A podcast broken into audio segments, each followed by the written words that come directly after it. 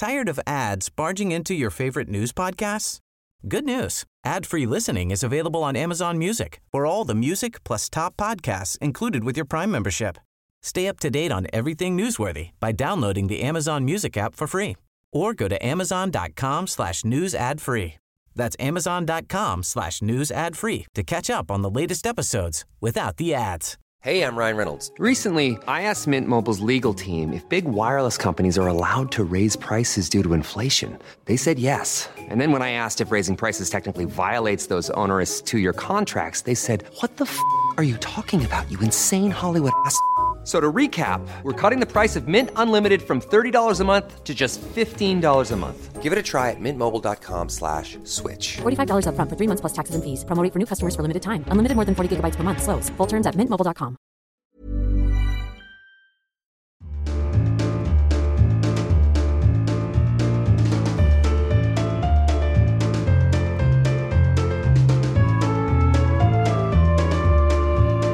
Hej och välkomna till GPs fotbollspodd som ännu så länge saknar ett namn, men där vi diskuterar Göteborgsfotbollen i allmänhet och Göteborgsfotbollen i synnerhet. Så här off season är det jag, Robert Laul, som gör podden med gäster. Och detta är alltså den andra delen av Jul med Gud-podden där jag gästas av ingen mindre än Torbjörn Totte Nilsson. Presentation närmast överflödig. Särskilt om ni lyssnade på del 1 där jag gav dig ett varmt välkomnande Torbjörn. Ja, tack. Du, om du själv skulle lyfta fram något från ditt fotbollsliv, vad, vad är du idag mest nöjd med? Ja, eh, ja att vi vann Uefa-cupen det var ju, det var ju på något sätt eh, en dörröppnare för svensk fotboll som man trodde då skulle kunna ta ett steg in i, i, i Europa på ett bättre sätt. Malmö hade gjort det några år innan då, vunn, eh, kommit till final i alla fall. Eh, men eh, så kom Bosmandomen och alla svenska, duktiga svenska spelare hamnade utomlands istället för att spela allsvenskan. Så att eh, det, det blev inget med det. Nej. Bosmandomen det var ju när liksom marknaden öppnades upp, upp för fotbollsspelare, kunde flytta hur som helst, lönerna sköt i taket, eh, klubbarna kunde ha fler eh, spelare från andra länder och, och, och så här en fri rörlighet. Eh, jag skulle säga att under våra fotbollsliv så är ju Bosmandomen den enskilda händelse som har påverkat fotbollen allra mest, både din generation och min generation, är det inte så? Jo, jo men det, det är nog. Jag, eh, jag, jag tänkte på en 80 då när vi spelade åt, i Uefa-cupen så var det kanske, vi hade kanske max 10 proffs. Eh, i, idag så är det vi kanske 40, 50, 60 proffs som eh, kanske till och med är ännu mer. Man har inte namnet på allihop. Och det är klart att det, det sitter ju en massa kompetens som borde spela till allsvenskan då, kanske många av de här. Hur menar du då med, med proffs? Ja, att de, de spelar i olika ligor som vi har inte en aning om. Att det, det finns en tre, fyra svenskar i Premiership. Det finns några i danska ligan, några i norska ligan och holländska ligan. Och, de borde ju spelat i allsvenska lag mm. menar jag och då kanske svenska lag har haft en större chans att klara sig i Europa. Nu har ju Malmö gjort det eh, ganska bra och Östersund också då men eh, det borde vara lite oftare tycker jag. Men att vinna en, en, en internationell klubblagstitel i, idag med de effekter som Bosmandomen fick på hela fotbollsutvecklingen, det, det, skulle jag säga det är i princip omöjligt. Ja, så vi, då var du ingenting, du vann allsvenskan, sen fick du spela i Europacupen direkt utan eh, kval. Idag är det ju kval för att komma in eh, så att eh, det är lite tuffare ja. Mm, ja, ganska mycket tuffare skulle jag säga. Du Torbjörn, hur ser ditt liv ut nu? Vad gör du på, på dagarna om du berättar? Eh, jag är pensionär. Eh, sen har jag ju levt så här kan man säga. Jag lever ungefär samma liv som jag eh, har levt de sista 30 åren kan man säga. Jag är i fotbollsbusinessen på, på olika sätt. Just nu så är jag ute och föreläser eh, ja, 30-40 gånger per år ungefär. Så att, eh, I alla möjliga sammanhang. Mestadels nu sista året har varit då angående den här tv-serien, eh, den här boken vi skrev, Tredje vägen. Och då är det många lag som har velat eh, testa den här. Vad är tredje vägen? Och, så att eh, det har jag gjort. Vad är tredje vägen om du drar det lite kort? Tredje vägen handlar om den här tv-serien där vi ville att eh, ungdomar skulle få tävla och att det var viktigt att tävla. Vi gjorde tävla och lekte på träningarna väldigt mycket men alla skulle få vara med. Och det gjorde då att eh, vi fick en väldigt fin effekt av det här vilket gjorde då att vi skrev den här boken. Och det, det jag kan säga då det här med att eh, alla skulle få vara med. Vi, vi, vi, vi körde ett rättvist eh, bedömningssystem. Till exempel i tv-serien så spelar vi i slutet Färgelanda Cup. Och då hade vi ett killag där, Ytterbys 12-13-åringar eh, som gick till final. Men i finalen så fick eh, en av de bästa spelarna inte spela. För han spelade semifinalen, för vi hade sagt att killarna fick spela varannan match. Och det, det tror jag inte eh, speciellt många tränare som skulle ha gjort. Inte, och det här kom aldrig ut utan det, vi, vi hade det systemet. Var, varför är det systemet bra om du får beskriva det?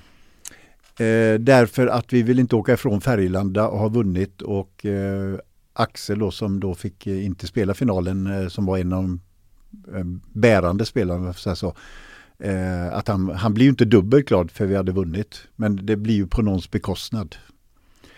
Vi, eh, eh, som vi sa i förra avsnittet, 99,99% blir ingenting så det, det, är väl lika bra att vi inte försöker skapa ett vi och dom-samhälle även i breddidrotten. Mm. Um, vi ska borra oss ner i precis den typen av uh, frågor här utifrån uh, utkastet till din uh, nya bok om en liten stund här. Jag tänkte bara på en sak du sa där du håller föreläsningar. Jag minns faktiskt en föreläsning jag var på med dig. Det här kan ha, jag vet inte fan alltså. Det här var någonstans på kanske 90-talet eh, som, som, som, du var föreläst och jag, och jag lyssnade. Och du, sa, du sa en sak som har följt med mig hela livet där. Det är ganska intressant. Kan, kan låta banalt men det har i alla fall alltid följt med mig. Du sa att om man har svårt att sova en kväll eh, då, då ska man ta det som en träning eller övning på inför en annan kväll då man måste kunna sova fastän det liksom är bröt i grannarna har fest ja. eller du har något eh, tåg som håller på att åka fram och tillbaka utanför. Alltså att, att man, man, man, ska se den här gången man inte kan sova på grund av något som, som låter eh, utanför. Se det som en träning till den där gången då du verkligen måste kunna sova för att, eh, för att du har något viktigt tidigt på morgonen. Och det där har jag burit med mig och det har hjälpt mig att somna många gånger. Det är ganska intressant. Jag har fått med, fått med mig 30 år. Jag vet inte om du minns att du sa det? Men, jo, ja, jag, hade, jag pratade om det några år där. Det, det kommer jag, jag, jag tror till och med jag sa att eh, när man inte kan sova så ska man försöka träna på att vara vaken. För, för ofta vill kroppen motsatt. Ah, okay. ja. ja. Ja, ja, det är möjligt att det var så, men ja. jag, jag, tog in det som en träning och det är ja. möjligt att det blir så. Och det har fått effekt, för varje gång jag får lite svårt att sova så tänker jag, ja men det är fan inte hela världen den här gången. Nu ser vi det här som en, träning. en liten träning inför den gången jag verkligen måste kunna somna. Och då slappnar man av lite grann och sen ja. så rätt vad det är så sover man. Vad kul. Du väntar till du blir pensionär, du, då vaknar du klockan tre på natten, då ska du inte sova på två timmar. Jaha, ja, du är ju pensionär nu. Ja, jag är det. är det jag är det. Och hoppar klockan tre. Ja, då, då tänker man vad är det? Och så ligger man och funderar i två timmar. Ja, så att eh, tillämpningen är det svåra. Ja. Eh, Torbjörn, du har då pensionär som du var inne på där, men du är mycket i fotboll. Vilken, vilken fotboll följer du mest aktivt? Hur ser din fotbollskonsumtion ut skulle du säga? Eh, ja, jag ser ju IFK Göteborg. Eh, nu såg jag dem inte lika mycket i år eh, som förra år, eh, året innan då. Då såg jag dem en, säkert en 10-12 matcher, eh, hemmamatcher. I år såg jag väl bara 4-5 gånger tror jag. Att, mm. Men jag försöker det, det, är alltid saker som händer i livet. Sen följer jag eh, min lille, mitt lilla barnbarn eh, Vincent då. Och nu har även då eh, lilla Ingrid börjat spela fotboll och även Ottilia, två barnbarn. Så vi, det blir att följa. Ja, är de i Jonsered eller var håller de hus i, någonstans? Lerum, ÖIS och Lerum. Okay, ja, inte, inte I nämnd ordning. Ja, ja. Um, ser du landslagen någonting, svenska uh, ungdoms eller uh, dam här? Uh, jag, jag, ser inga, i princip inga landskamper som är träningslandskamper. Jag vet ju själv hur det var, då gick man på 90 procent. Nu har de ju försökt ta bort träningslamporna, landskamperna med det här eh, det nya, Nations ja. League där. Men ja, jag vet. Inte, inte blivit, det har väl inte flugit riktigt om man säger så. Nej, nej jag vet inte hur man ska göra med det där. Det, det är ganska svårt. Jag, jag vill se tävlingslandskamper mm. och det är samma i VM nu. Jag, jag såg inte gruppspelet. Eh, eh jag såg Argentina tror jag i 20 minuter för, eftersom Messi spelade då. Ehm, för det, det liksom spelar ingen roll tycker jag, utan det är på slutet. Det är ingen som kommer ihåg var Anders Jäderud låg eh, efter ett varv i OS-finalen. Eh, eh, att du följde Argentina och Messi, är det för att det var ditt, eh, har du liksom, brinner ditt hjärta lite för Argentina? Man kan ju ha liksom utländska favoritlandslag, många har ju det. Jag ja. håller på Brasilien exempelvis sedan 82. Ja. Nej, men jag gillar Messi eftersom han, han har inte de där diva-fasonerna som vissa andra har på den nivån. Mm. Eh, Sveriges landslag då på herrsidan kvalificerade sig aldrig för det här VMet. Eh, samtidigt gick damerna då till semifinal i EM i England. Som ju för övrigt var en enorm triumf eh, för damfotbollen internationellt med nästan 90 000 åskådare på Wembley i finalen där mellan England och Tyskland. Eh, England vann 2-1 efter avgörande mål av, av eh, Chloe Kelly. Vad, vad, vad, vad tänker du om fotbollsåret på, på landslagssidan? Ja, herrarna har ju jag har ju inte gjort det så bra. Det, eh, och jag, har liksom inga förklaringar till det. Jag, eh, jag, tror inte det beror på Jan Andersson eller på, på någonting sånt där. Det, det är lätt att man ska byta förbundskapten. Eh, när det gäller damerna så ser man att eh, många länder har sprungit ifrån Sverige. Jag kommer ihåg när jag började träna Kopparberg här i slutet eh, 2008-2009 och, och framöver där. Så var ju Sverige ett av de ledande i ja, även i klubbfotbollen på, på något sätt. Med Umeå hade haft enorma stora framgångar. Nu plötsligt så är vi inte i förarsätet längre. Nu är vi där bak. Ja, nej, det såg man ju väldigt tydligt i England eh, mm. hur, hur de här liksom stora elefanterna även på, på, på damsidan eh, börjar ma marschera nu eh, när eh, när liksom eh, verksamheterna professionaliseras i en rasande fart ute ja. i Europa. Och det är ju väldigt positivt eh, så sett. Men som sagt, det får en negativ konsekvens för Sverige som du är inne på. Mm. Alltså, jag, alltså jag, jag kommer ihåg, jag, jag blev överraskad när jag kom in i damfotbollen eh, där eh, det fanns prioriteringar hur man fördelade plantider. Eh, och det, det, är ju ett sätt på något sätt att nedvärdera damfotbollen, att man inte tog den riktigt på allvar. Eh, exempelvis då att eh, om ett superettalag och ett allsvenskt lag i, i damallsvenskan ska slåss om en träningstid så är det superettalaget herrar som går före trots att det är högsta ligan. Ja det, det, det är ju oacceptabelt mm. kan man ju tycka. Det, ja. det, så går inte att ha det. Vet du om det har förändrats eller det är det någonting annars värt att, att kontrollera? Ja, jag vet inte om det, det, är så. Göteborgs kommun tog bort det här nämligen för de hade att de var jämställt då. Utan mm. det, det fanns på förbundet så låg det den eh, prioriteringen. Och det, det, hade jag svårt för att förstå. Och det, det är klart att eh, om damfotbollen då ska etablera sig och, och komma upp här då, då måste vi börja träna mycket mera eh, tjejerna som spelar i damallsvenskan. De kan ju inte springa från jobbet klockan tre och så träna klockan halv fem och hålla på så fem dagar i veckan och sen på match på helgen. Det blir ju ett, eh, det blir ett hemskt liv alltså. Det var bara IFK Göteborg 82 som kunde göra det och ändå vinna Uefa-cupen. Ja, vi slutade två faktiskt. och det var några som inte jobbade alls. Så att, ja. Nej, men jag förstår vad du menar. Nej, men vi fick ju pengar för det. Alltså, det finns ju vissa damfotbollslag på, på min tid som jag kommer ihåg där, där tjejerna hade 2-3 tusen kronor i månaden. Mm. Och, och träna 5-6 gånger i veckan. Alltså det, det, det är ganska tufft. Ehm, den här veckan som, som det här avsnittet kommer ut då spela, då kommer ju att eh, då kommer ju Guldbollen och Diamantbollen att eh, delas ut. Ehm, om jag säger eh, Dejan Kulusevski och Kosovare Aslani, vad säger du? ja, det är nog ingen dålig gissning. Ja. Mm. Mm. Har du några andra kandidater du skulle vilja lyfta utifrån fotbollsåret 2022? Nej, Aslani gjorde ju det bra i, i mästerskapet där. Mm. Hon stack ut eh, så att eh, Sen har, det finns ingen annan som har stuckit ut så, eh, så att det, det är nog rätt. Mm, nu är vi överens om det. Och sen, ja. sen är jag ju Tottenham-supporter så att jag är ja, väldigt ja. nöjd med att man får Guldbollen. Ja, okay. ja, för att jag menar lite ligger det ju där att, att han har ju fått ett lands, visst landslagsgenombrott. Han har varit bra i landslaget men han har ju också fått ett genombrott i Premier League får man ju säga. Ja. Kulusevski. Mm, han har verkligen lyft dem. Det ska ju vägas in. Mm. Sen att konkurrensen är, är, är, inte mördande just det här året på, på herrfotbollssidan då, det kan man ju också konstatera. Nej, det, det finns nog sådana år där det är lätt att ta ut det. Sen finns det år där jag kommer ihåg när Henke Larsson eller eh, Zlatan eller eh, Fredrik Ljungberg slogs om det mm. hela tiden. Då hade du tre världsstjärnor som var på väldigt hög nivå. Ja, men Zlatan fick väl det nästan varje gång ändå. Ja, han fick ju det till slut ja.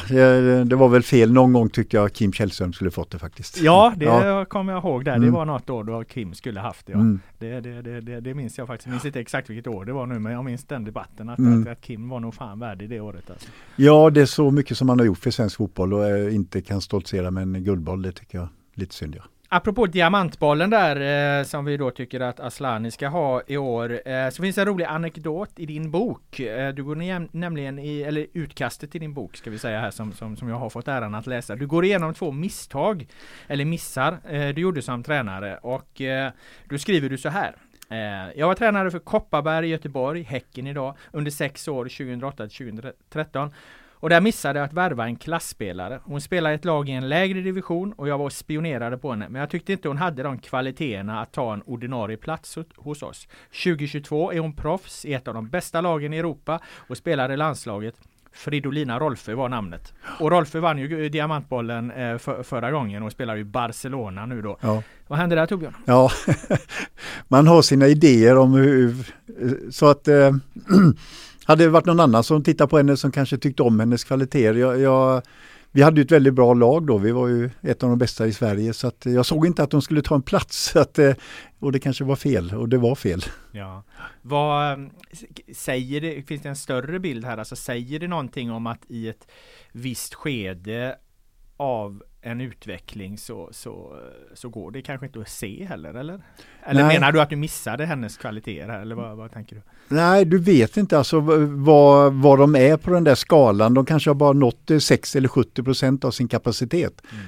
Eh, och du ser inte alltid det. Eh, ibland kan du kanske tolka att oh, men det, där kan de eh, säkert utveckla och så vidare. Men jag, jag missade det där. Var det så med Rolfö där att, att, att hon sen att, att hon var, befann sig på en annan del av skalan och sen kom alla de här övriga bitarna lite senare då utifrån från när du tittar på henne? Ja, hon utvecklade väldigt mycket. Jag, jag, jag tyckte att hon var lite för långsam för att ja. ta plats. Jag, jag prioriterar väldigt mycket snabbhet när jag värvar spelare. Och, och, hon, är, hon, är, hon är inte långsam men hon är inte hypersnabb heller. Nej. Så att, eh, det kanske var den missen jag gjorde. Mm. Eh, om du prioriterar snabbhet då, då kan vi gå in på, på miss 2 då som du nämner i din bok här. Eh, och då skriver du så här. Exempel två var när jag tränade ÖIS 1991 till 1993. Då var jag i Skara och tittade på en juniorlandskamp och skulle observera en kille vid namn Jesper Blomqvist. Jag dissade honom som ni förstår. Då undrar man ju vad fick det att backa kring Jeppe? För han måste väl varit, varit eh, snabb och, och, och, kvick på den tiden? Ja, jag tyckte han var för mycket kantspelare. Jag gillar yttermittfältare som kommer in i banan. Ja, han ja. Var ju, slickar ju väldigt mycket kant. Han slickar väldigt mycket kant där och, och eh, det kanske var fel att bara titta på han en gång. Vi hade ju hört talas om han. Han var ju från Tavelsjö då. Eh, det, och det, det, var ju just att han slickar kanten och det, det kanske var tränaren där i förbundskaptenen som har sagt det, slicka kanten nu. För att, men eh, han, han, eh, han, han, när han kom till IFK sen så började ju han dyka in längre och längre in i banan och det kanske var Roger Gustafsson som fick honom att göra det. Så att, det, eh, det var en miss. Just det. Ehm, hade du fått honom till ÖIS eh, annars tror du? Eller, var, eller hade han ändå gått till Blåvitt? Eller var, var det så nära att, att, att han, Jesper Blomqvist skulle hamna till ÖIS ifall du bara hade, ja, vi går på honom? Eh, jag tror i det läget så var det många som pratade om honom. Så att eh, hade IFK ringt och ÖIS ringt så hade han nog valt IFK. Ja. Okay. Ja. Ehm, lär du dig, lär, drar man, gör man några lärdomar av sådana här saker eller är det, det liksom sånt här drabb, ska ju sägas drabbar ju, eller händer ju alla. Det finns ju inte någon fotbollstränare eller scout som inte har, har missat något guldkorn liksom. Nej. Det sker ju hela tiden. Ja. Nej, alltså jag, jag, tänker på min egen karriär när Anders Bämar och P Johansson var och tittade på mig eh, när jag spelade i Jonsered. Och då, det, det, som jag skrivit är att man har tur ibland. De kanske var och titta på just en eller två matcher där, där jag gjorde väldigt bra ifrån mig. De kanske var och titta på en match när det gick katastrof och, och valde att inte då värva mig. Då hade jag spelat kvar i Jonsered och kanske blivit kvar där resten av livet. Ja, kan det vara sådana små, små eh, marginaler helt enkelt? Ja, det är ju det. Det är ju människor vi pratar om eh, som eh, en del har en jäkla anpassningsförmåga. Så fort de kommer upp i eh, en eh, högre klass eller vad man nu ska säga det så har de väldigt förmåga att anpassa sig till den nya klassen. En del eh, kan ha svårt med det men och det, det, ser man inte alltid, det, vem som har den förmågan att utveckla sig. Om vi tittar lite på Göteborgsfotbollen eh, här eh, 2022. Vad tänker du om att BK Häcken vann allsvenskan på herrsidan och kom tvåa på damsidan och den liksom, position de därigenom har skaffat sig? Eh, jag tror, tror, att det är jättebra för eh, Göteborgsfotbollen. Jag tror att det är för, ett sätt för IFK Göteborg att eh, skärpa till sig lite mer och då kan man fråga vad är det de ska skärpa till sig i? Ja, det, det kan inte jag bedöma då men eh, på något sätt så, så måste man eh, försöka titta på vad är det vi värvar. Det, det, är så många bitar man måste titta på om man, man ska få till det. Vad är värvning, hur man tränar och allting sånt här. Man måste ju vara konstruktiv och, och öppen jag, kommer ihåg i IFK Göteborg, vi hade en, det var inget ont om, eh, ja, vi hade en tränare innan vi fick Svennis och, som eh, jag tror inte vi hade vunnit Uefa-cupen om vi hade fortsatt med den tränaren. Utan det är så viktigt att man eh, känner att eh, vad är det som ska utvecklas och hur ska det utvecklas? Att man är väldigt öppen mot sig själv där. Mm. Vem var det? Hasse Karlsson, han var, han var, det, det var inget fel på honom men så plötsligt när du får Sven-Göran Eriksson så ser du oj, Eh, här, här kom det någonting helt annat. Mm. Och det vet man inte alltid. Om man inte vet att man inte vet så, så är det ett problem.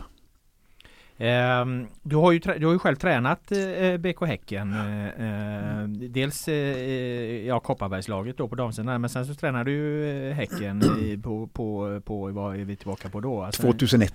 Just det, det är mm. nästan 20 år sedan. Eller det ja. är till och med över 20 år sedan. Ja. Då, då. Vad tänker du om den resan som, som Häcken har gjort utifrån det Häcken du var Ni var väl uppe i Allsvenskan då också vill jag minnas? Eller? Vi var i Allsvenskan, vi åkte ja, ur ja. precis.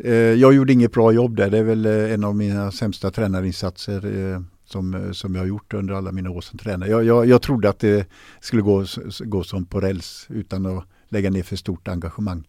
Men okej, okay. men, eh, var, var, men varför, det, varför det? Eller utveckla? Nej, jag, var, jag, var, jag hade blivit väldigt populär som föreläsare. Så jag var ute och reste Sverige runt och var föreläsningar. Så jag kom liksom inrusande till träningarna utan att förbereda mina tränarkollegor på vad vi skulle göra. Så att, eh, nej, det var ett det är ett sånt där år som man vill glömma. Men det är bra att göra sådana år ibland som man ser att man får skärpa till sig. Var det, fick du den responsen från klubbledningen i Häcken då? Eller att de tyckte att du, du ramlade in där fem minuter före? Så, eller är det din egen? Ja, det fick jag från spelarna. Så att, okay. ja, de kände att jag inte var där riktigt hundra mentalt. Mm. Ehm, men precis som du då lärde dig något där så har ju Häcken gjort en resa här och, och, och från, från liksom åka ur Allsvenskan där i början av 00-talet, Superettan ett par år tillbaka i Allsvenskan 2009, klara sig kvar och nu har de vunnit sitt historiska första eh, guld och samtidigt som de har slagit sig ihop med, med, med Kopparberg och, och skapat en, en, en, framgång. Vad tänker du om resan? Alltså de, de har ju då eh, gjort det jättebra, det, det måste man säga. De har fått personer som eh, tar bra beslut där eh, de har pengarna framförallt. Eh, och det är ju Gotia Cup då som, eh, som ligger till grund för det. Och det jag, jag kommer ihåg eh, hur många år sedan detta är när Gais eh, hade Häcken som farmarlag och Häcken eh, fick ta ungdomsturneringen och för Gais ville ha resebyrån som sedermera gick i konkurs. Det var ett väldigt, väldigt avgörande val. Ja, det var eh, lite typiskt Gais som han är elak eller? Ja, det kanske det. kanske det. Men eh, sen, sen gjorde ju Dennis Andersson ett fantastiskt jobb med den här kuppen och har skapat eh, den grunden då till det här. Man ska säga att eh, Häcken där, för det nämns ju ofta som du är inne på då att eh, med, med Gothia Cup och pengarna där och ja det är ju ett tillskott då på en på en eh, vad ska vi säga runt 15 miljoner som de, som de tar in i någon, någon form av vinst där genom det här arrangemanget. Samtidigt har de ju inte då publikintäkterna som IFK Göteborg och andra har så att de har ju även börjat nu bygga andra ben. De är starka på, på, på, på sponsring och så. Mm. De är uppe i liksom 30-40 miljoner där. De, de har varit bra med på spelarförsäljningar. Sålde Patrik Wålemark här som ju är ett intressant exempel mm. på, på en spelare som, som inte gick via någon akademi som vi ska komma in på lite senare. Ja. Och i Kviding där. Um, så att de, de, de, de, de man, jag tycker inte riktigt man kan säga att de bara har Gothia Cup längre utan nu har de, nu har de en, en stabil jävla ekonomi på, på många ben. Liksom. Ja. Men jag tror att eh, Dennis Andersson såg till att eh, man förbrukade inte de där 15-20 miljoner man gjorde i vinst under en massa år. Nej, så är det. Så, ja, så att eh, de har eh, en bra kassa. Så är det. De har ja. styrelsebeslut där på ja. att de, de, måste ha en viss, viss, eh, viss peng av omsättningen i eget kapital hela tiden så de aldrig ska hamna i ett utsatt läge. Vilket ju var viktigt för dem under pandemin då när, när ekonomin slog tillbaka. Ja. Så att de kunde, kunde rida ut den och komma jävligt väl förberedda till till 2022. Så kan man ju säga. Men jag tror hela 90 och 2000-talet så, så spenderades inte mycket pengar från Gothia Cup till fotbollsverksamheten. Det är vad jag tror. Ja, ja, nej, ja så att, eh, Du vet ju, du var ju där 2001 så ja. du kanske inte fick eh, köpa någon spelare du ville heller. Nej, det, det, var nog lite andra begränsningar på den tiden. Ja. Allting var mycket mindre, idag är det mycket större, man tänker större. Mm. Eh, vad tror du om Häckens möjligheter i, i, i Europa då? Du som har eh, eh, varit med svenskt lag där ute så att säga. För nu ska ju de kvala till Champions League och så här och vi har exempel på Malmö men nu också Djurgården då som mm. har gjort det bra i Europa. Mm. Nej, alltså med lite rätt lottning så kan man väl säkert komma, kanske med lite tur till huvudturneringen, men eh, Champions League är ganska svårt att komma till för det möter väldigt bra lag. Och eh, de här lagen, stora lagen i Europa, de vill inte ha Häcken till, till, till det här gruppspelet för det lockar ingen publik.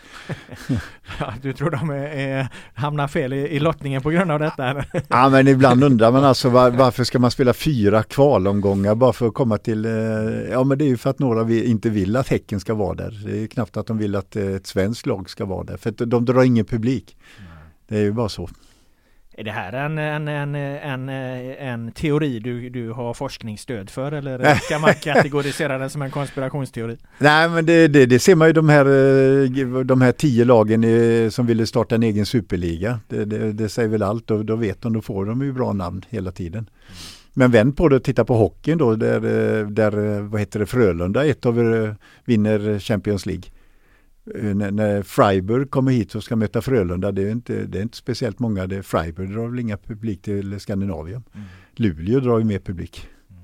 Mm. Eh, du, var, du touchade lite eh, effekterna Häckens framgångar får eh, gentemot IFK Göteborg och kanske stadens andra eh, eh lag då. Ehm, vad tycker du att Blåvitt behöver göra konkret? Har du någon sån, sån eh, insikt som du, som du skulle vilja lägga fram? Um, nej, man, måste ju, man måste ju vara i en verksamhet för att förstå den. Mm. och sen, sen har man, alla har ju sin egen filosofi om vad man ska göra. Det, det är inte lätt i Blåvitt eh, att få arbetsro. Det är alltid press, det ska presteras och det är alltid folk som tycker. Och det det, det kanske inte alltid är det lättaste och då kanske inte vågar, då, då är det väldigt lätt att gå den här vanliga vägen som alla andra gör. Och om Blåvitt ska sticka ut så måste jag, jag tror man måste gå av den där vanliga vägen att nu tränar vi så här, nu gör vi så här. Man måste sticka ut och göra något annorlunda om du ska bryta det där mönstret. Vad skulle det kunna vara? Det kan vara allt möjligt. Det kan vara till exempel istället för att man tränar fotbollsträning så springer man milen i Skatos till exempel någon gång. Eller man gör eh, andra saker som gör att eh, det händer någonting i kroppen. Annars blir det bara en, eh, det bara rullar på så, så är det som det alltid har gjort. Mm. Du kom ju in som, som tränare tillsammans med Alf Westerberg. Då är vi på 2017, hösten där. Ja. Ville du eller ni fortsätta eller vad, vad, vad tänker du om det, det, den halva säsongen du hade där? Ja, föreningen eh, vill ju ha en ny tränare. Sen vem som skulle bli bakom det, det, det var ju Poja då som skulle välja det. Mm. Eh, men när du kommer in som assisterande så, så kan du inte påverka speciellt mycket utan du, du ska ju vara lojal till eh, huvudtränaren och huvudtränarens filosofi. Mm. Du kan inte gå in där och börja röja säga att du tycker att du borde göra så här. Nej. Men det var väl saker som, som Alf gjorde som, jag, som inte jag hade gjort. Men om det var rätt eller fel, det vet jag inte. Vad var det då? Eh, nej, det var till, till, exempel efter vi hade um, spelat mot uh, en match i Allsvenskan så var det landslagsuppehåll två veckor. Uh, och då har jag alltid som huvudtränare gjort uh, en hårdträning för att få en ny formtopp. Mm. Uh, Medan där valde man att vila då. För att man skulle samla kraft då. Men jag vet ju med mig själv, jag, jag jag var ju hela tiden för att eh, skapa nya formtoppar och jag var ganska bra på det. Jag kunde skapa mina egna formtoppar. Mm. Eh, när Poja då tog över sen, var, då, ville, ville du då fortsätta som assisterande bakom honom men han valde någon annan? Eller vad, hur var det? Nej, jag, jag vill inte vara assisterande. För jag, det, jag tyckte det var ganska tråkigt. Ja, ja. ja du, du fick så lite tid. Eh, Eh, med Alf Westerberg då, eh, Alf Westerberg var ju tvungen hela tiden att fördela ut träningstid till övriga då. Det var fystränare, det var sjukgymnast, det var målvaktstränare. Alla skulle ha sin tid med laget. Och Alf skulle ha sin tid också. Och så var det vissa fasta saker så där som gjorde då att du fick, eh, där fick jag 25 minuters anfallsträning med sju spelare och så fick jag tre dagar senare kanske en, en en uppvärmning med dem och sen kanske lite till. Så. Men det, det, var inte mycket man kunde påverka och det kände jag, jag vill inte gå på Kamratgården och ha så lite träningstid. Eh, utan du var intresserad av att, att, att, ta över som chefstränare helt enkelt men att dåvarande sportchefen Mats Gren gjorde ett annat val helt enkelt? Nej, nej jag, jag får inte vara huvudtränare eftersom jag inte har utbildningen. Så det, det, var, det var kört. Utan jag ville eh, bli eventuellt anfallstränare och komma dit två dagar i veckan. Bara vara där när jag hade träningstid. Eh, men det, det, var inte Poja intresserad av. Han ville ha en fast assisterande tränare. Så att, eh, han valde den här spanjoren då. Just det. Eh, i IFK Göteborg, eh, nu tog inte du upp det men jag tar upp det eftersom eh, det berör eh, utkastet till din bok där. De pratar ju väldigt mycket om sin ungdomsakademi. De får fram en del bra spelare den vägen som har kunnat säljas. samtidigt om vi lyfter blicken lite då så är ju du, uppfattar jag det i alla fall som kritisk till, till vissa delar av de här akademierna och det är inte bara Blåvitt då utan det, det, jag menar alla storklubbar har i princip akademier. Jag ska citera lite vad du skriver om det.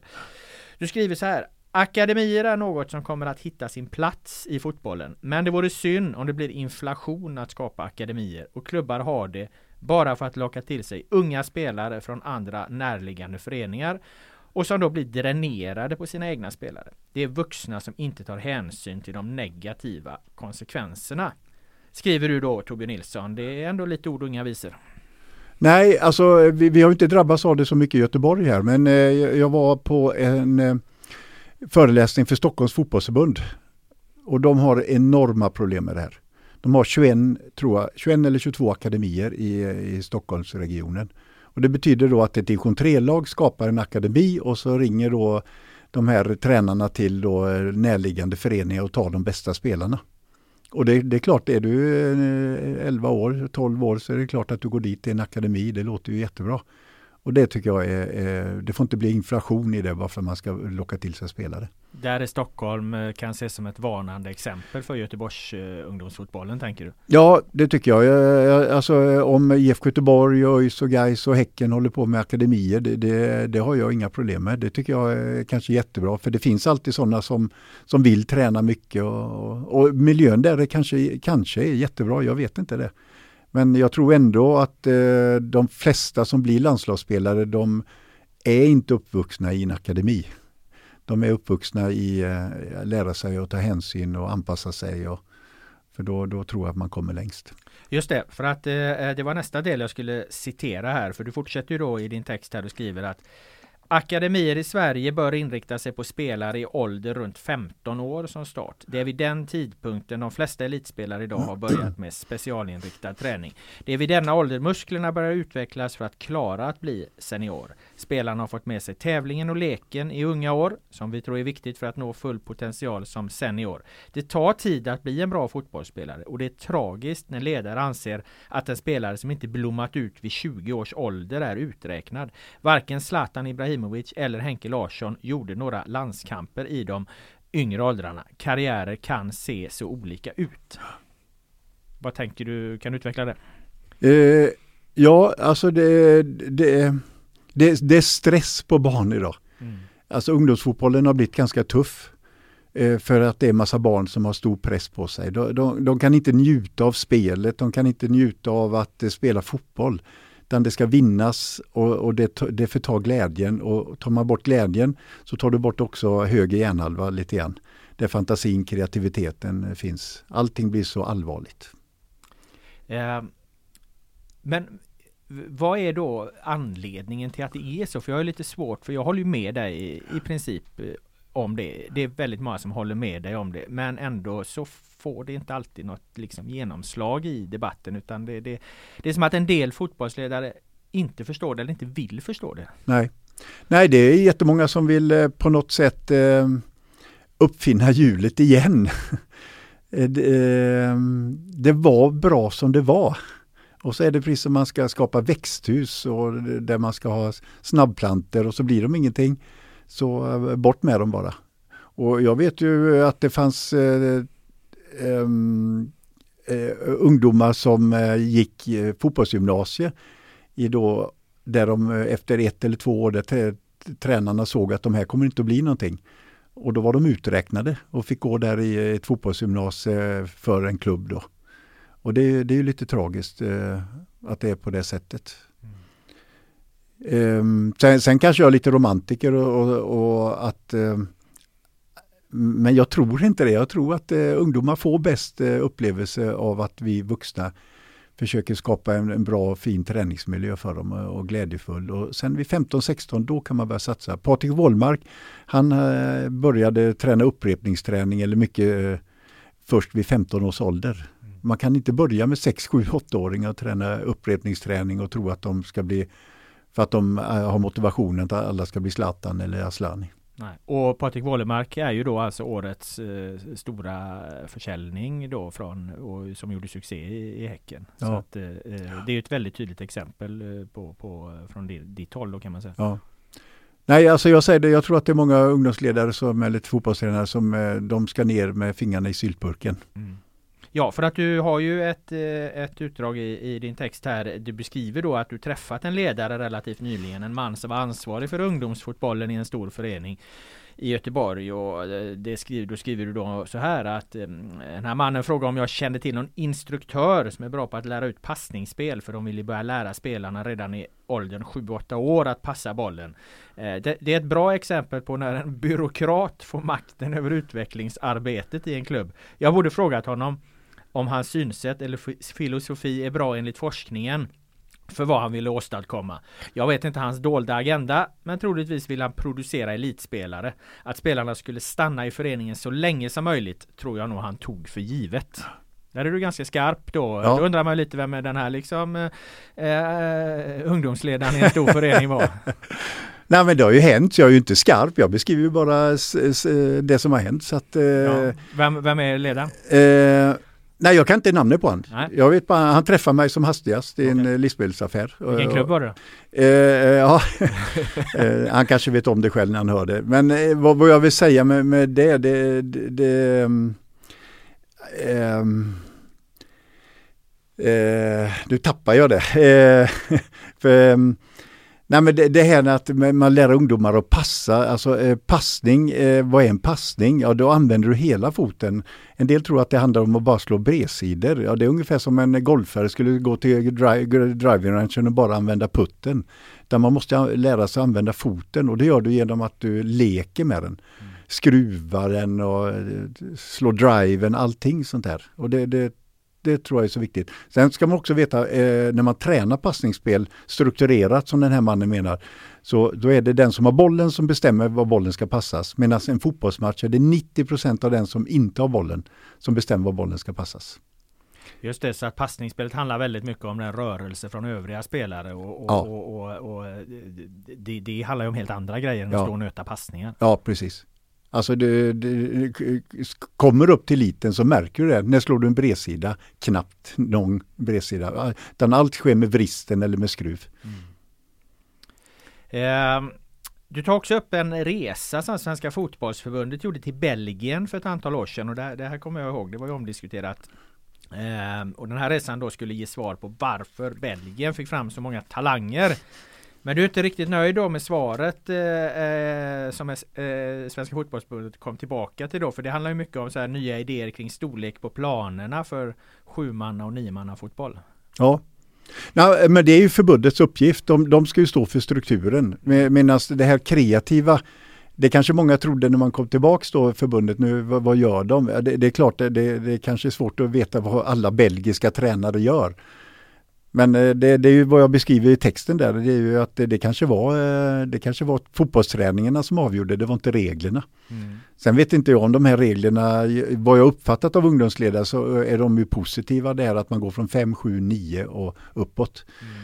Eh, det enda jag har svårt med det, det är att man eh, inte använder hela planen. Varför man ska spela med kortare plan på niomanna. Utan vi måste ju lära barnen att, att ha större ytor. Men hur menar du då att, att man ska spela nio manna på elva manna plan eller? Eh, ja, på fullplan? Nej men man sätter målen på straffområdesgränsen eller inte ens det tror jag. Man sätter dem på någonstans. Varför om man ändå har nästan en hel plan, varför spelar man inte på hela plan? Mm. Det, det, är ju stora ytor som det, det, handlar om på fotbollen. Varför ska vi inte vänja dem så fort som möjligt? Mm. Eh, det här var ju på den tiden Belgien var, eh, var, var på modet. Nu har ju liksom nu, nu, nu, nu är det väl ingen som åker till Belgien på studieresor längre med tanke på deras prestation i VM kanske. Det är ofta sånt som föder sådana idéer. Men eh, ett land som är intressant eh, att studera kanske i alla fall Eh, ska höra vad du tycker om det. Men det är ju liksom Kroatien som ju har då har eh, tog VM-silver 2018. De är i semifinal och tar brons nu då 2022. Det är alltså en nation med 3,9 miljoner eh, invånare. Och man brukar ju oftast förklara de största liksom fotbollsframgångarna ja. att det handlar väldigt mycket om folkmängd och det du är inne på att få många att fortsätta. Vet du just det här kring att man får många att fortsätta. Är det någonting som man jobbar med i Kroatien? Har du liksom Nej. koll på det så? Eh, Eller vad tänker du om det? Nej, så, sån eh, forskning har jag inte bedrivit då. Eh, men, men jag tror att alltså, vi, vi i Sverige vi är ju väldigt bra på det här med struktur och det, det ska vara organiserat. Eh, så det, får, det ska man ju inte ta ur oss. Men det, det, det jag vill förmedla med den här texten då det är att vi, vi måste släppa på den. För vi går åt andra hållet. Vi, vi släpper inte utan vi tajtar den mer och mer och det är precis som att eh, ledare idag tror att de eh, är väldigt duktiga coacher när de står och coachar 6-7-åringar och talar om vad de ska göra hela tiden under en match. Och så vinner laget med 2-0 och så står coachen där och tycker att han har varit eh, en fantastisk coach. Och det han har gjort, det, det, det är ju, det är ju liksom använt spelarna som sin egen eh, ja, marionetter. Det, det tycker jag är tragiskt. Och det, när man tittar på förbundets material så tar man upp det här att man, man inte ska coacha bollförande spelare. De måste få lära sig att tänka själva om, om de ska kunna utveckla sina eh, tankegångar mot kreativitet och anpassningsförmåga. Men det, det tas upp för lite tycker jag. Det, det är bara några meningar som det står och det, det är ju lätt när man går en förbundsutbildning. Man, man, man, kommer, man kommer ihåg det man vill komma ihåg, det som passar en. Ja, eh, för eh, eh, här, har- här har du också en, en intressant utläggning i, i texten då som tangerar precis det du är inne på där. För du skriver nämligen så här. Vi har tillräckligt med föreningar och relativt många ytor att träna på. Vi har ett fotbollsförbund som säger att utbildningen för tränare är i världsklass. Trots detta känns det som att det är gener som styr hur många eh, sådana spelare som kommer fram i elitfotbollen. Merparten, merparten av dagens importer eh, är anfallsinriktade. Spelare som heter Olsson, Svensson, Johansson är inte överrepresenterade bland anfallsspelare i elitfotbollen idag. Är den utbildning som fotbollsförbundet erbjuder inte, inte något som stimulerar kreativiteten? Eller är det tillämpningen av utbildningen bland tränare som fallerar bland seniorer och ungdomar? Om vi utgår från att miljön har lika stor påverkan på utveckling som gener kan man börja spekulera i vad det är som fallerar. Vad är det som fallerar då? Eh, nej, jag, jag tror det var Eh, min gode vän Martin eh, från tv-serien då. Han, han, eh, han, han menar ju på att det är den konserv, konservativa väggen. Man ska träna traditionellt. Uppvärmning, sen ska man då ha passningsspel och så spelar man sista 20 minuterna. Stort spel. Och då, det, det, det är en ganska traditionell tror jag, uppvärmning eller spe, träningsupplägg för många tränare. Eh, Och det försökte vi bryta då med att eh, alla skulle komma i kontakt med bollen, vi skulle tävla. Och det, det tror jag är, eh, är det som fallerar, att man, man, man, man använder inte resurserna på, på en träning. Men krockar det här med hur, hur Svenska fotbollsförbundet, var de står? Eller hur ska man förstå det? Det krockar i den mån att vi tycker att resultat är väldigt viktigt. Förbundet eh, har ju tagit bort det här med resultat, att man inte ska eh, tävla, det ska inte räknas mål och så vidare. Nu gör ju barnen det ändå, men, eh, men eh, vi, vi fick ju lite mothugg från utbildningsansvarig, inte för, för förbundet men eh, nästan till att vi tävlade för mycket. Det var emot deras eh, eh, grundläggande principer eller värdegrund.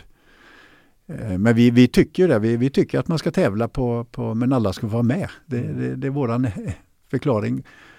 Eh, ibland förstår inte spelarna eh, när man gör enskilda övningar. De förstår inte hur, hur man ska koppla detta till match. Och det, det tror jag är så viktigt att, att det mesta går ut på att man ska eh, uppnå ett mål eller försvara ett mål.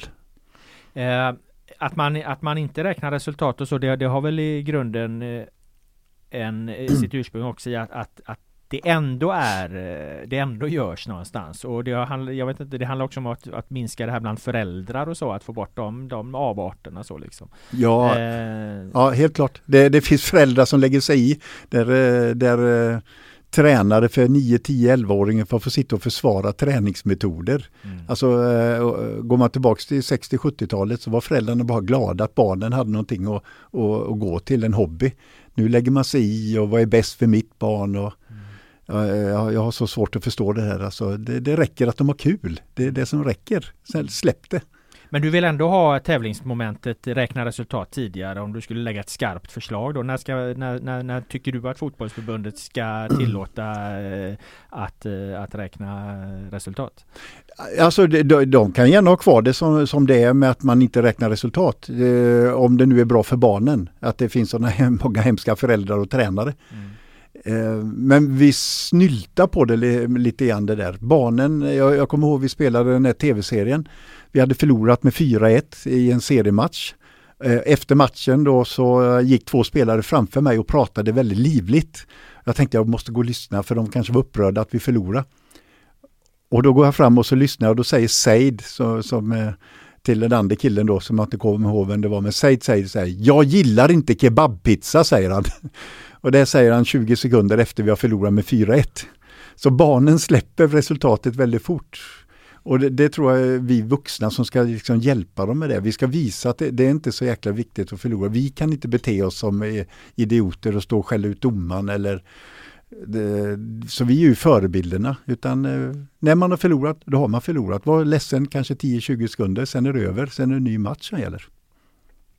Uh, så att där lärde du dig någonting då? Att du trodde verkligen att det var resultatet de diskuterade och varje över men, ja. men det handlar om, om, om, pizza istället? Ja precis. Ja, de, de glömmer ganska fort barnen. Det var, det var för att vi vuxna hade då ambitioner. Vi förlorade mot Askim och hade vi vunnit den matchen så hade vi kunnat vinna serien där som vi hade satt upp som mål. Nu förlorade vi med 4-1 och då, då hade vi ingen chans att vinna serien. Men inte den här inställningen från förbundet som ju någonstans också är normbildande antar jag, den är inte ganska bra ändå då att man inte räknar resultat eller? Jo, alltså det, det är ju, det, det, är ju, alltså jag vet ju barn man, man, kan se det på ett, ett, två olika sätt. Barn som säger så här, ska vi åka till en kupp i Lysekil med en buss och så, så, är det, så koras det ingen vinnare, varför ska vi åka dit, säger ju en del barn. Mm. Så det är ju det negativa i det, att du för, förtar det här glädjen att vinna. Men det är så många som är emot det här um, genom att de uh, ja, hatar att förlora, om man får säga så. Både föräldrar och tränare som beter sig som, uh, ja, jag ska inte säga det ordet, men uh, det, det, kan man räkna ut själv. Mm. Eh, om vi bryter ner eh, eller om vi liksom flyttar eh, perspektivet lite då kring, kring eh, eh, vad som ju också är pudens kärna i hela ditt resonemang här då eh, kring eh, kreativiteten så tror jag att väldigt många förknippar kreativitet med eh, anfallsspel, offensiv och sådana saker. Men du har ett ganska intressant exempel i din text där om första gången, din första träning med Claes Ingesson eh, när han kommer till IFK Göteborg. Du har egentligen slutat här då, men du är uppe och, och, och tränar eh, med laget lite då och då. Du stöter på Claes Ingesson, berätta! Ja, jag, kom, jag, jag, tyckte att jag var ganska bra då. Det var väl ett eller två år efter att jag slutat. Jag ringde och kom, kollade med Stig och Tord. Spelar ni bara på träningen? För jag vill inte upp och det var tråkig träning. Eh, och då skulle vi göra det och då spelade vi och då, då, hade jag bollen i ett läge som jag brukar kunna liksom vända upp och säga plötsligt så kommer en ung kille och tar bollen från mig. Där ingen annan brukar ta den. Och då, då, då frågade jag Stig, eller om det var Tord efteråt, vad, vad, vad var det för kille? Ja, Claes Ingelsson heter han, en jäkla skogshuggare sa de. Så han, han, var ju kreativ i sitt försvarsspel och det, det tror jag är jätteviktigt för, för ungdomsledare att se. Det finns sådana som är kreativa i sitt försvarsspel också. Så kreativitet är inte bara att dribbla till man tappar bollen som en del unga tror. Eh, var det exempel på att fotbollen hade liksom utvecklats efter du slutade då? Eller var det liksom något unikt som just han hade, Ingesson där? Nej, han, han var ju unik med det. Ja. Det, det. det kommer jag ihåg från landslaget sen också. Han sprang ju, han sprang ju genom spelare ibland och det blev inte frispark. Nej. Så att, eh, men det, det, det, handlar om så små marginaler och det är det som är så viktigt att barnen lär sig. Jag, jag, jag ser ju för många tränare som håller på och instruktionsstyr spelare.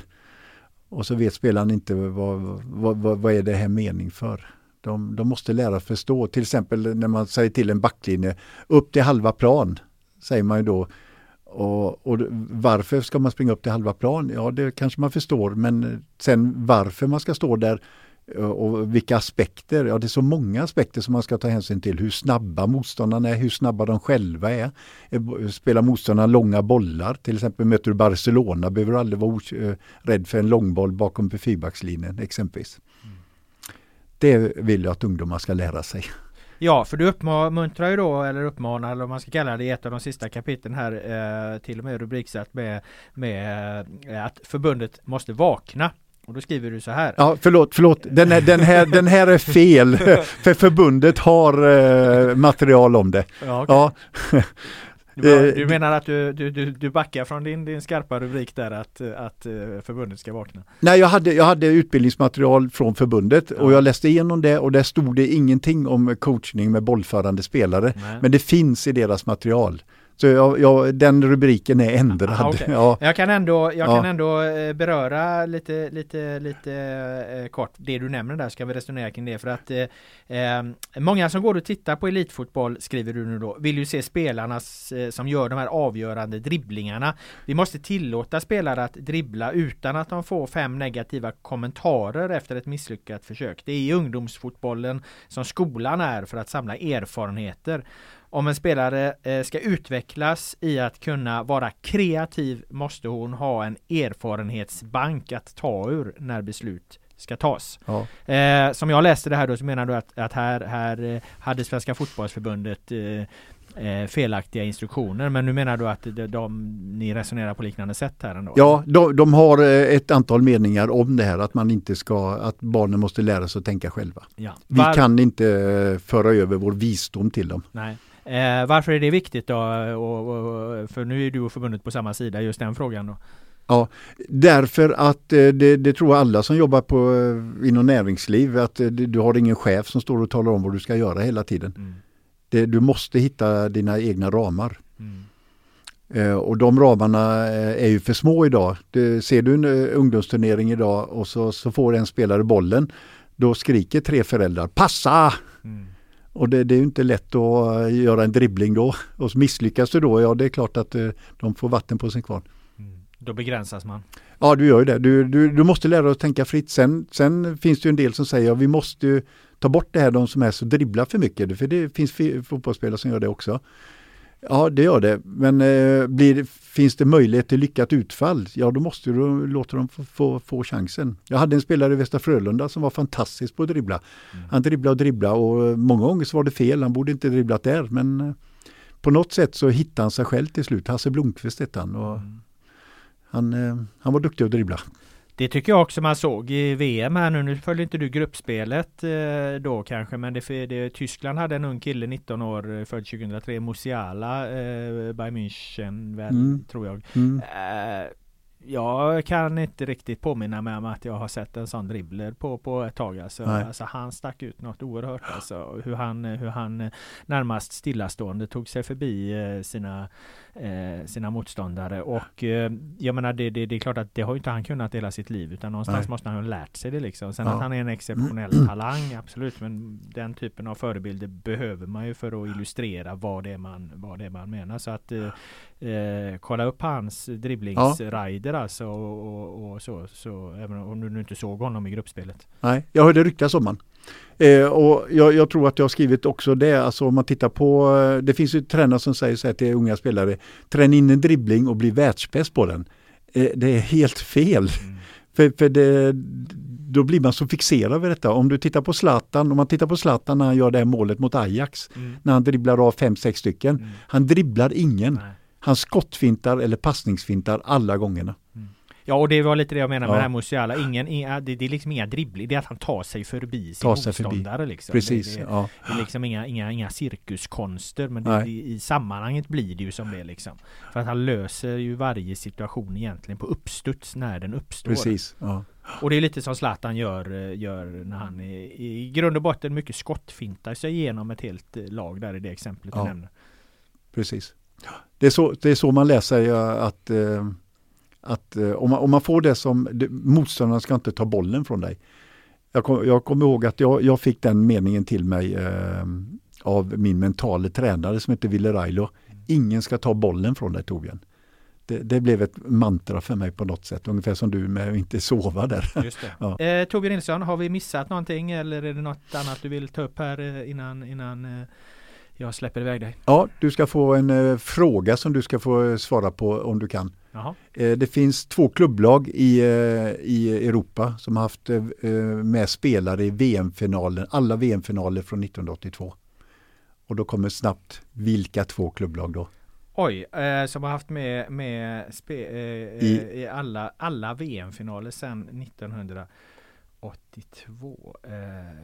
Eh, jag vet inte Togga. Inter, De har haft med spelare från Ja, alla. och sen- alla. och sen vilket är det andra då? tyskt. Jaha, är det Bayern då? Ja. ja. ja. Det var bra. Då lärde jag mig något nytt Ja. också. eh, har du något annat du vill eh, säga nu när du har chansen? Eh, innan eh, vi stänger ner och tackar dig. Ja, god jul. Just det, det hade jag tänkt önska dig också. Även om just den här andra delen då faktiskt spelas in eller eh, publiceras efter julafton i mellandagarna. Så jag önskar dig helt enkelt Torbjörn Nilsson en god fortsättning och ett gott nytt år och tackar dig väldigt mycket för att du kom hit och tog dig tid. Tack för att fick komma hit. Podden är tillbaka igen nästa vecka. Tack för att ni har lyssnat. Ha det bra!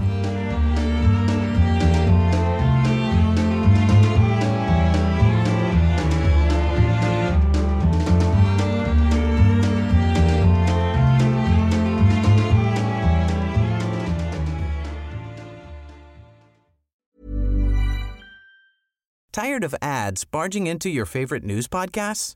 Good news. Ad-free listening is available on Amazon Music for all the music plus top podcasts included with your Prime membership.